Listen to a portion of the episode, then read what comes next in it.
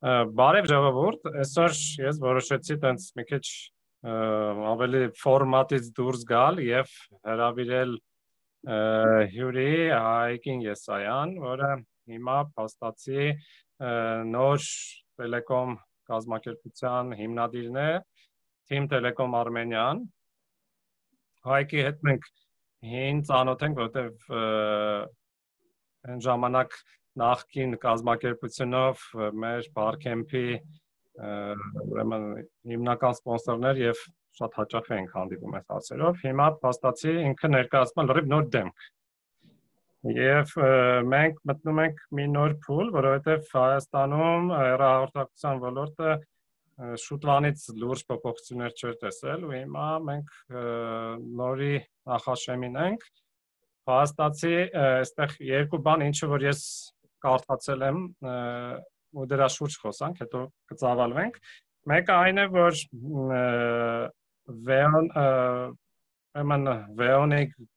գործարքը փաստացի Ucom-ի հետ փակվեց ու հիմա դուք եք արդեն Team Telecom-ով դիմել, որպեսզի գնեք եւ իհարկե այստեղ հետաքրքիր բան է, որովհետեւ նախորդ գործարքի դեպքում շուկան փոքրանալու էր, որովհետև 3-ի տեղը 2 օպերատոր էր հայտնվելու։ Հիմա ես ընդհանրապես միշտ կողմնակից եմ ավելի մրցակցային դաշտի ու հիմա կունենանք էլի 3 փոփոխությունը նաև այնա որ հաստացի տեղայնացվում, այսինքն հայկական թիմը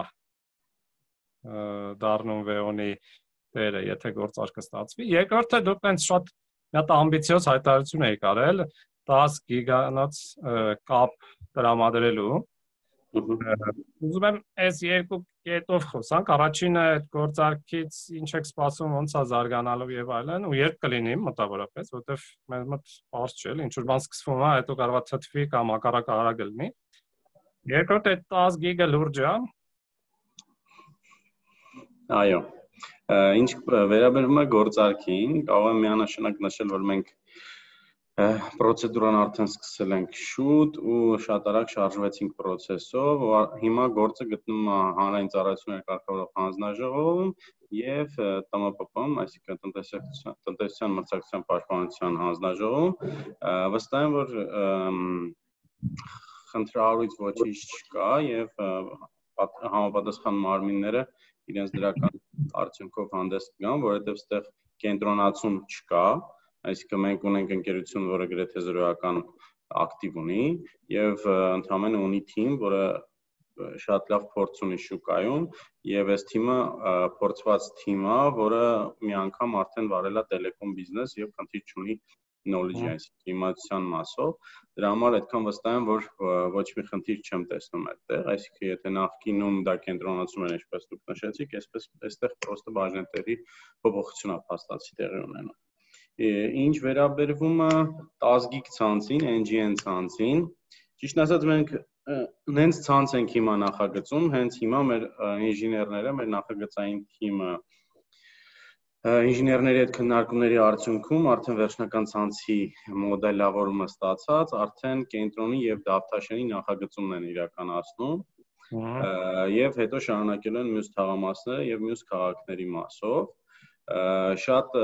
հետաքրքիր ցանց ենք կառուցելու, ինչ առումով հետաքրքիր մի փոքր բացեմ, որ բարձ լինի։ Հենց ենք անելու, որ տեխնոլոգիայից կախված երկար չլինենք, այսինքն այսօրվա մեր ցանցը, եթե հանկարծ բաժանորդ կլինի, որը կուզենա 100 գիգաբիտով միանա, նույնիսկ կարող ենք 100-ով միացնել։ Այսինքն շատ փոքր փոփոխությունով կարողանանք 100 գիգել տալ, դա նույնիսկ տերաբիտ անել։ Այդտեղ նենց ենք անում, որ բաժանորդը խնդիր չունենա ակտիվ սարքավորման փոփոխման դեպքում շատ բարձր արագություն է։ Այսինքն մի հատ ցանց են կառուցում, որը մի 25-30 տարի մինիմում արդիական կլինի։ Տեխնոլոգիայի փոփոխությունը շատ հեշտ կարող ենք իմպլեմենտացիա անել ու շատ հավեսով բան է ստացվում։ Այսինքն մենք նենց կանենք, որ պրակտիկորեն վերջին մղոնում միացման խնդիր գրեթե հանրապետությունում չենք ունենա այսինքն ուղղակի դրա համար ժամանակ է պետք, քաղաքն է պետք։ Եթե հիշում եք, մենք նախորդ ցանցը ստեղծելուց 2010-11 թվականներին Երևանը եղավ առաջին օպտիկամանրալտելային ցանցով պատված մայրաքաղաքը։ Վստահ եմ, հիմա էլ կունենանք 1-2 տարի հետո Երևանը միակ քաղաքը, որ տեխնոլոգիապես նման առաջատար ցանց կունենա, որի հենքի վրա կարելի է ինչ ասես կառուցել այսինքն ցանկացած տիպի ծառայություն, ցանկացած տիպի փոքր օպերատորների տրանզիտ ծառայություններ, մի շարք ծառայություններ, որը այսօր մենք կարող նույնիսկ չենք էլ պատկերացնում վաղ ինչ ծառայություն կարելի է ցանցով։ Հա։ Դրա համար մենք ոչ թե ասացինք 10 գիգաբիտ, ասացինք, ասացինք new generation network NGN, որը միշտ ակտիվ է, միշտ միշտ ինքը ապրող ցանց է լինելու, ինքը միշտ արագ փոփոխման է ենթարկելու։ Սա շատ կարևոր ֆակտոր կա, որ մենք կարող ենք շատ հեշտ իրան փոփոխել ոչ թե նստել ենք ինչ որ մի հատ բանի։ Այսինքն մենք տեսանք, որ պղինձը ջիպոնի վրա չենք նստելու։ Պղինձը ունեցավ 100 տարվա կյանք, այսինքն սկսվեց 20-րդ դարաշրջանից 21-րդ դարաշրջանի մինչև հիմա դեռ օգտագործվում է։ Մենք հենքը դնելու ենք օպտիկայի վրա, բայց լոգիկան նենց ենք կառուցելու, որ պղնձի նման օրինակ նայեք 100 տարի առաջ հեռախոս էր, հետո ADSL էր, հետո VDSL էր, դա շատ հեշտ փոփոխվող է։ Նույն լոգիկան լինելու է այստեղ օպտիկայի վրա, որովհետեւ չկախվենք մենակ GPON-ից, որովհետեւ GPON-ը սահմանափակում էր, այդ ցանցը եթե GPON-ի լոգիկայով էր կառուցում, մենակ GPON-ը էր կարող օգտագործել։ Իստեղ կարա աշխատի CVDM, կարա աշխատի GPON, կարա աշխատի P2 to point, մի շարք լուծումներ կարող են լինել։ Հասկանալի է։ Այդ դեպքում ես երկու հարցերով մի քիչ էլի խորանամ։ Մեկը LinkedIn-ում որ հար դրել էի թե ով ինչ հարց ունի, մի մարդ հարցրել էր, եթե VEON-ի գործարքը չստացվի, որ ուղությամբ կգնաք։ Երկրորդը էլի էս 10 գիգին հետ գամ։ Ենթադրենք, ասենք լավ թափով սկսեք ցանցը գնել, ինչու լավ է, արդեն կենտրոնում անցկացնում եք իմ համար էլա լավ, էգոիստական։ Տեսանկյունից բայց մենք ներսում այս ցանցը կունենանք, բայց արդյոք մեր դուրս եկող մալուխները, մայրուղիները կհասցնեն ապահովել այս արագությունները։ Այսինքն եթե ժողովրդին սովորացնեք տենց հեսանտ արագ կապի, բոլորը նստեն տունը իրար հետ Zoom-ով շփվեն հենց տնեցիկով եւ այլն ու ծարաբերնեն այդ սախ մեր ընդհանուր Հայաստանի մայրուղիները ձգում են, թե այդտեղ էլ պետքա զարգացում գնա։ Այստեղ ձեզ կզարմացնեմ ու հաճելի բան կասեմ։ Մենք նենց ենք անելով, որ մայրուղիները համարյա չօգտագործենք։ Այն ինչ մայրուղի կա, լոուդը իշնի։ Որտեղ մենք ուրիշ բան ենք ուզում անենք։ Մենք ուզում ենք սարքենք ու data center ենք սարքելու շատ հզոր, որը մեզ հնարավորություն է տալու local traffic-ի ավելացում։ Ու մենք խնդրելու ենք, որ մեր սայթերը, որ կան հայկական, մի գնացեք դրեք այդ սայթերը դուրսը։ Բերեք դրեք մեր local data center-ում մենք ձեզ redundancy-ին կտանք, մենք ձեզ հնարավորությունը կտանք, այսինքն եթե sense copy օրինակ վերեմ, էլի իրանք չեն պատ։ Եթե մեր data center-ը պարկեց, չաշխատեց, մեկը մենք connectivity չենք տալու, իրանց սայթը ոչ ոք չի տեսնելու։ Կոպիտ եմ ասում։ Իրանց իրանցը դրածա դուրսը։ Երբ որ դուրսն է դրած, մերը փչացավ, իրանց մեկը մեր բաժանորդներ չեն տեսնելու իրան, ճիշտ է։ Հիմա ավելի լավ է իրանցը կա Հայաստան, անվորակը կբարձրանա latency-ին իջնի, որը շատ կարևոր է այսօր աշխարհում, latency-ին իջնելու պարագայում ինքը ավելի լավ է browsing-ը եւ այլն այլն, ու ավելի լավ է, նույն վիդեոն ավելի լավ է խնդիրները ավելի քիչ են։ Ու երկու հատ փոխարեն մի հատ pop-ես ունենում, quality ավելի է բարձրանում։ Երկու հատ 99.99 availability, երբ որ բազմապատկում ես իրար, իջնում է։ Մի հատը մնում է 99.99։ Այստեղ մենք ուրիշ step ենք անելու։ Մենք ամեն ինչ անելու ենք, որ արտաքին աշխարհից մինիմալ կախված լինենք։ Այսօր ձեզ թվում է որ դուք Facebook-ի տրաֆիկ եք նայում, դա որտեղից է գեներանում։ Դրա 90%-ը գեներանում է հայկական Հայաստանում դրած Facebook-ի սերվերներից։ Google-ի տրաֆիկն է նույնն է։ Այսինքն մենք այդ ամեն ինչը անելու ենք ու այդ խնդիրը շատ հեշտ լուծելի է իրականում ու լուծելու ենք այդ խնդիրը մենք նախորդ ընկերությունում գնում ենք step step ու այդ խնդրին հասել ենք, ուղղակի XY պատճառներով չէինք արել։ Ստեղ առաջնային ենք դա դիտարկում ու անելու ենք։ Ուղղակի ժողովուրդը կարող է շատերը չիմանան, երբ դուք վիդեոն առաջին անգամ եք նայում, դուք նայում եք YouTube-ի սերվերներից, երբ որ երկրորդ share եք անում ու ձեր ընկերն է նայում, արդեն հայաստանյան քեշերից եք նայում, այսինքն իրականում դուք Հայաստանում եք գտնվում, այդ տեսանկյունից իսկապես տրաֆիկի շատ մեծ մաս, որը թվում էր թե դեպի դուրս է գնում, հենց լոկալ է ֆռում։ Ու այս արագություններից որ խոսում ենք, իհարկե մի հատ տարօրինակ թեմա կա, այդ 5G-ն է, որը գլոբալ եկեք էլի հարցը տամ ուղղակի զուտ Հայաստանի զարգացման տեսանկյունից։ Ըստ ձեզ ընդհանրապես մեր մոտ 5G նախադրյալները կան ընդհանրապես պետք է մեզ 5G թե չէ այսօր ու եթե ենթադրենք պետքա այս եղած զարգացումները համ տնտեսական, համ տելեկոմի, այս երբ ընդհանրապես այդ 5G-ն կսկսի մտնել։ Չնայած մարդիկ կան, որ արդեն գտել են աշտարակները 5G ու պլանավորում են վառել, բայց այդտենց դիցաբանական բանից եթե դուրս ռեալիստական, այսինքն մենք քանի տարուց մոտավորապես կարող ենք սպասել, որ այդ տեխնոլոգիաները մտնեն։ Եկեք հասկանանք 5G-ն մեզ ինչի համար է պետք է։ Այսօր Հայաստանում ոչ մեկի 5G պետք չի։ Հա, ինձ որ հաստատ։ Ես կարծում եմ, որ չկա նույնիսկ ընկերություն ում պետք է։ Մենք նույնիսկ չունենք այդ ինֆրաստրուկտուրան, այդ environment-ը, այն IoT-ները ու այսօրվա մեր 4G ռեսուրսը չենք կարողանում օգտագործենք։ Այսինքն եթե մեր նախորդ սարքած ցանցը IoT based էր, այսինքն IoT enabled 4G էր, մի հատ IoT service չի աշխատում, ոչ գազի շոթչիկ, ոչ էլեկտրականության շոթչիկ, ոչ այլ հաշվիչներ, ոչ մեքենայի driving բաները, չեկեր, այսինքն ոչ մի բան չի աշխատում։ Եթե մենք դա չենք սպառել, ինչի մասին ենք խոսում 5G։ Ես չեմ տեսնում, որ 5-ից 7 տարի մինիմում Հայաստանում դրա կարիք կա։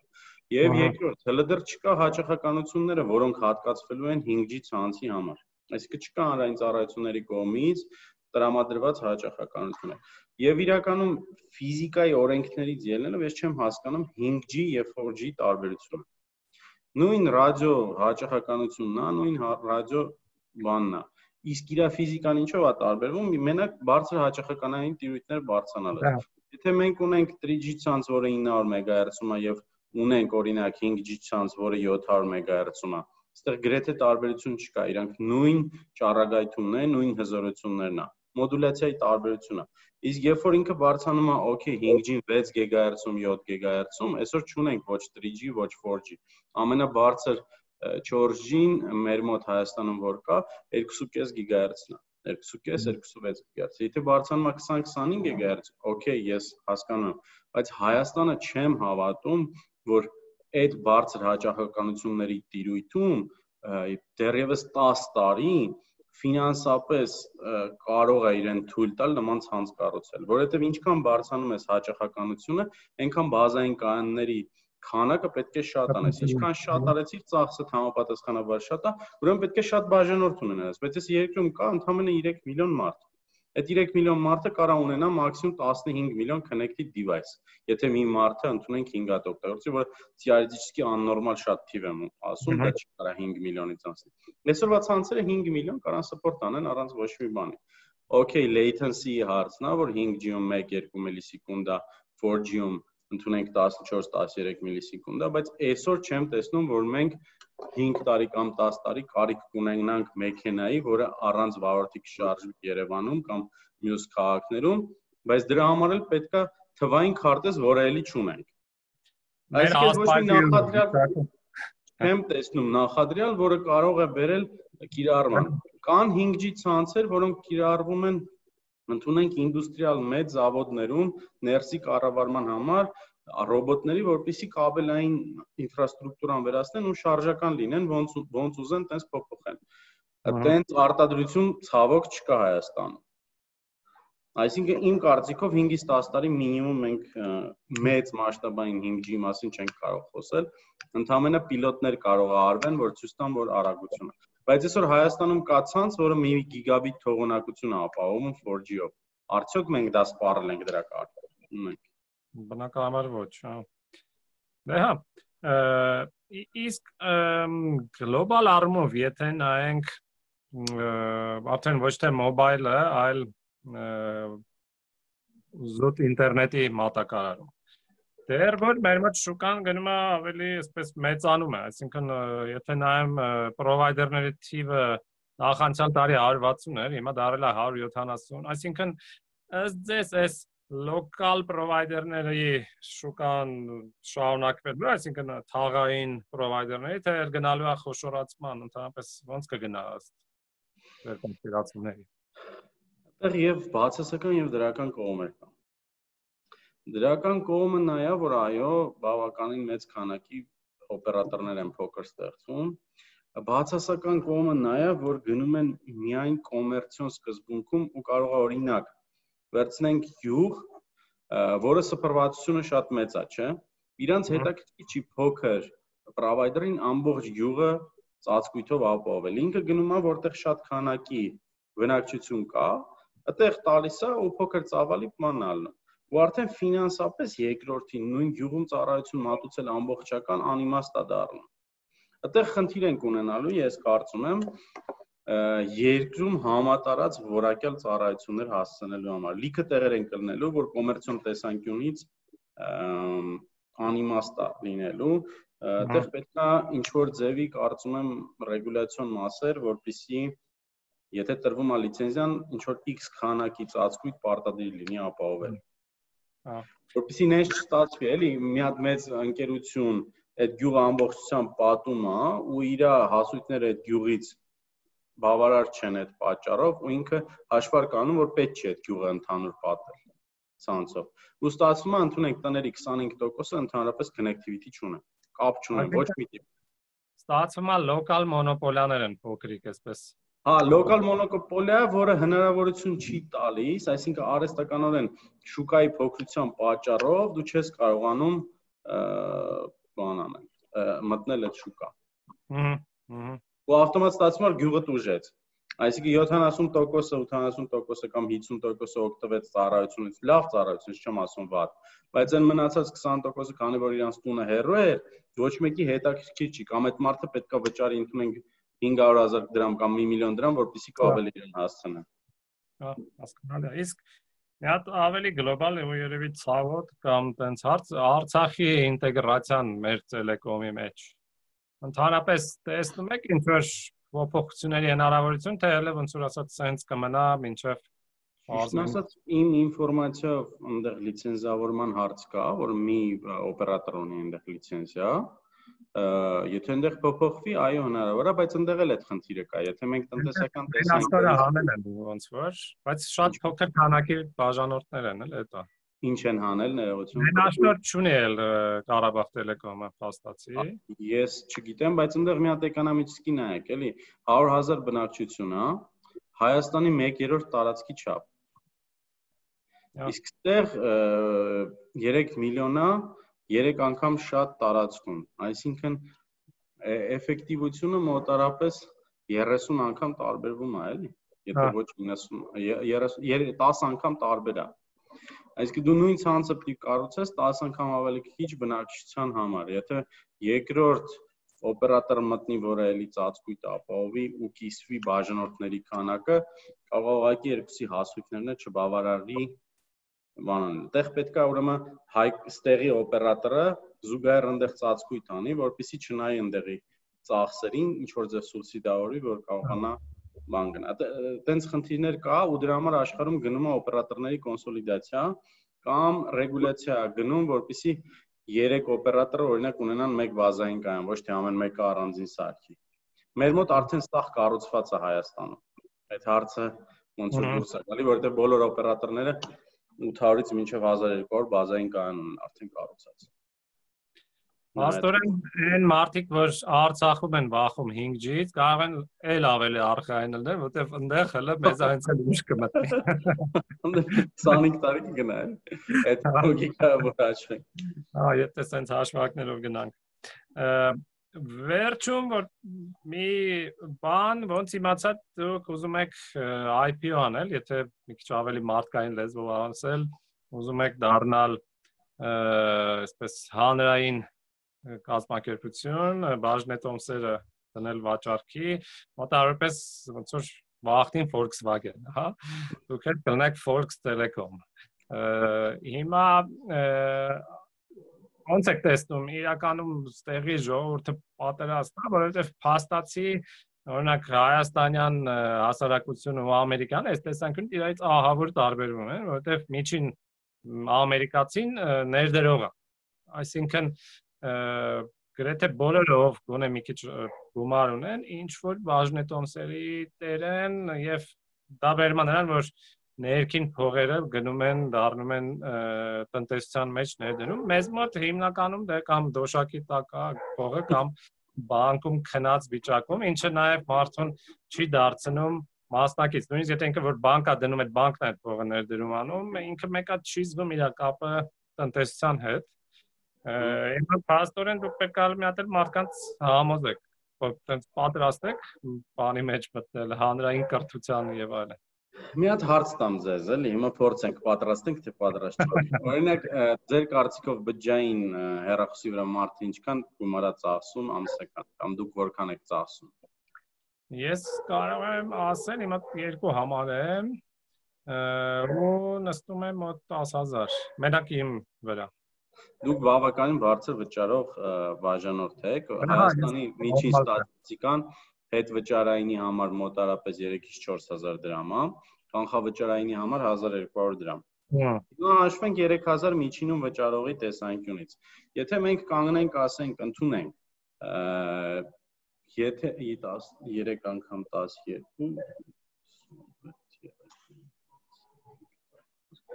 400.000 դրամ մոտավորապես Այսինքն եթե ասենք ընդունենք 400.000 դրամ, եթե դուք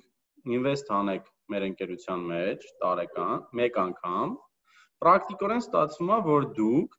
միշտ բջջային ծառայությունները անվճար կստանաք։ Ինչ եք կարծում կանեն, թե չէ։ Եթե տենց նկարագրենք մարդկանց։ Եթե տես նկարագրեք, շատ ավելի բան է դառնում։ Այսինքն եթե մարդը 400.000 դրամ պատրաստ է բջջային հեռախոսի վճարել, չէ։ Ինքը մի անգամ 400.000 դրամը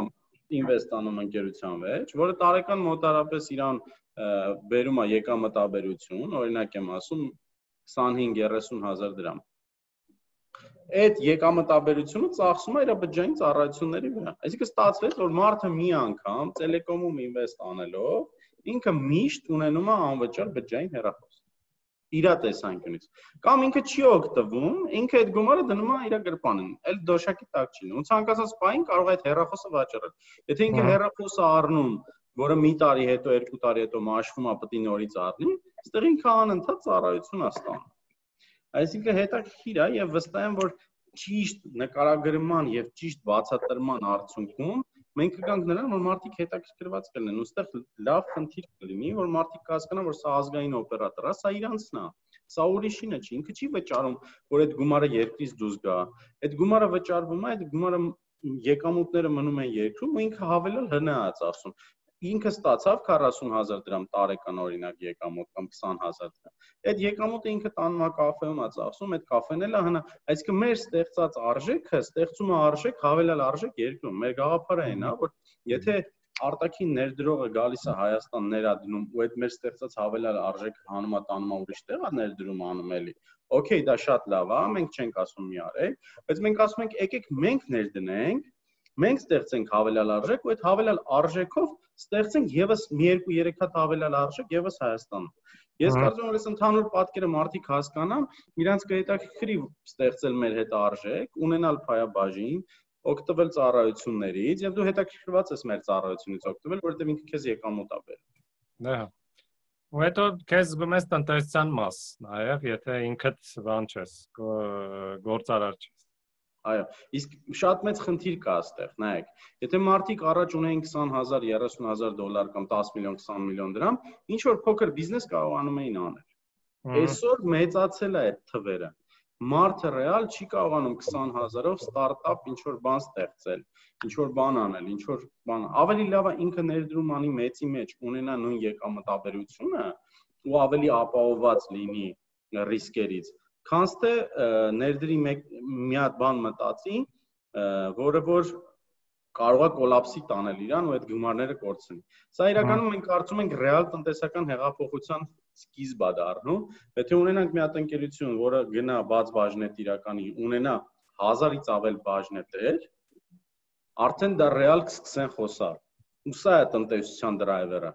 իրականում տնտեսության լոկոմոտիվ պետքա դառնալ ու մենք ուզում ենք դառնալ մեր տնտեսության լոկոմոտիվներից մեկը այս ուղությամբ ու ցույց տանք որ հայկական ընկերությունը կարա տենց լինի Դե իրական երկրում ինձ թվում է փողը քիչ չի, ուղղակի ինքը տնտեսությունից դուրս է հանած։ Եթե բերել ներս, որտեվ հիմա առնվազն այս կորոնավիրուսային վիճակներում դրսից ներդրումներ մեծ ակնկալիքներ ունենալ երևի թե չարժի։ Ճիշտ ասած մեր ոլորտում շատ հետաքրքրված են եւ մեզ հետ հենց հիմա շատ մեծ կապիտալ ներդրող կազմակերպություններ, հենց ֆինանսական հաստատություններ հենց քննարկում են, որովհետեւ ICT ոլորտը արդեն ոչ թե Telecom, մենք փոխվում ենք, էլի, մենք չենք տեսնում իրան տրադիցիոն Telecom, ICT ենք տեսնում, որը ռեալ այսօր աշխարհի 3 growing բաներից է, այսինքն ուտելիքը, ICT-ին եւ դեղորայքամիջոցը հենց COVID-ի պայմաններում, որովհետեւ connectivity-ն ու COVID-ը ցույց տվեց, որ բավական մեծ ծավալի գործ կարելի անել remote, այսինքն տնից աշխատել, արցանց։ Հա, դուք փաստացի բազային արժեք եք դառնում սնունդի հետ զուգահեռ։ Այսօր այսօր մեզ տանը ավելի չի հետաքրքրում հոսանքի արկայությունը, ինչքան ինտերնետը։ Եկենք ռեալ լինենք։ Եթե հոսանքը գնա, դու մի ժամ կհամբերես, բայց եթե հանկարծ հեռախոսը տանջատվի, կարող դու պրոստը չուզենաս այդ օպերատորից էլ օգտվես։ Կա տենց բան կա, ես արդեն տենց մտքեր ունեմ։ Դեռ կապս գնում գալիս է։ Լավ, մերսի շատ։ Ձեզ ձեր գործում հաջողություն ու ուսանք կենտրոն համայնքում շուտ կսկսեք գիծը քաշելը, որտեվ այդ արագությունները տենց հետաքրքիր է փորձարկել ոչ միայն տեսական իմանալ դրանց մասին նենց որ առայժմ առայժմ շնորհակալություն հարցազրույցի համար լավ օր ձեզ ձեզ էլ